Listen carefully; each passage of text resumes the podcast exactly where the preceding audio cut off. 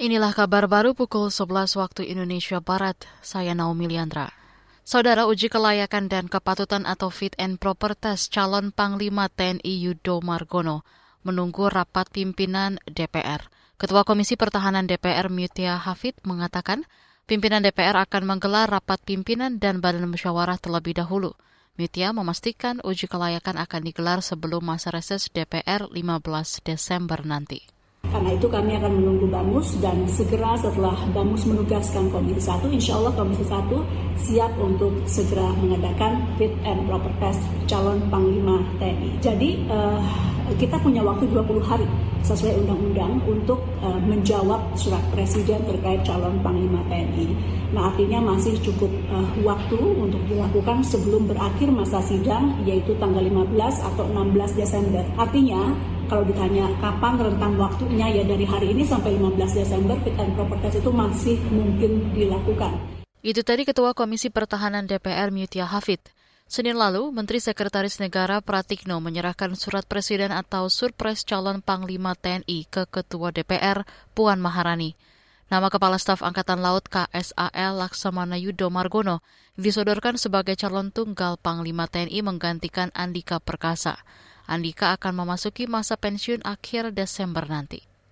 Uji coba mobil terbang akan dilakukan di Ibu Kota Nusantara IKN pada 2024.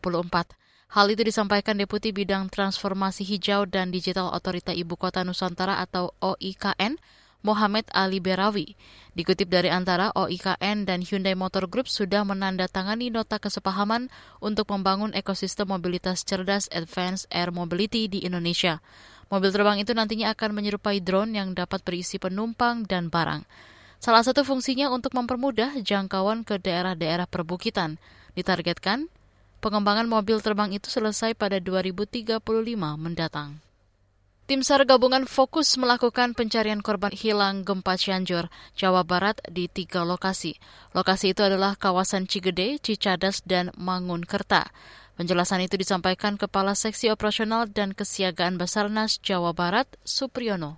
Target pelaksanaan operasi SAR hari ke-10 kita tetap maksimalkan dengan unsur SAR yang tersedia. Salah satunya SARDOC, terus K9 Polda Jabar,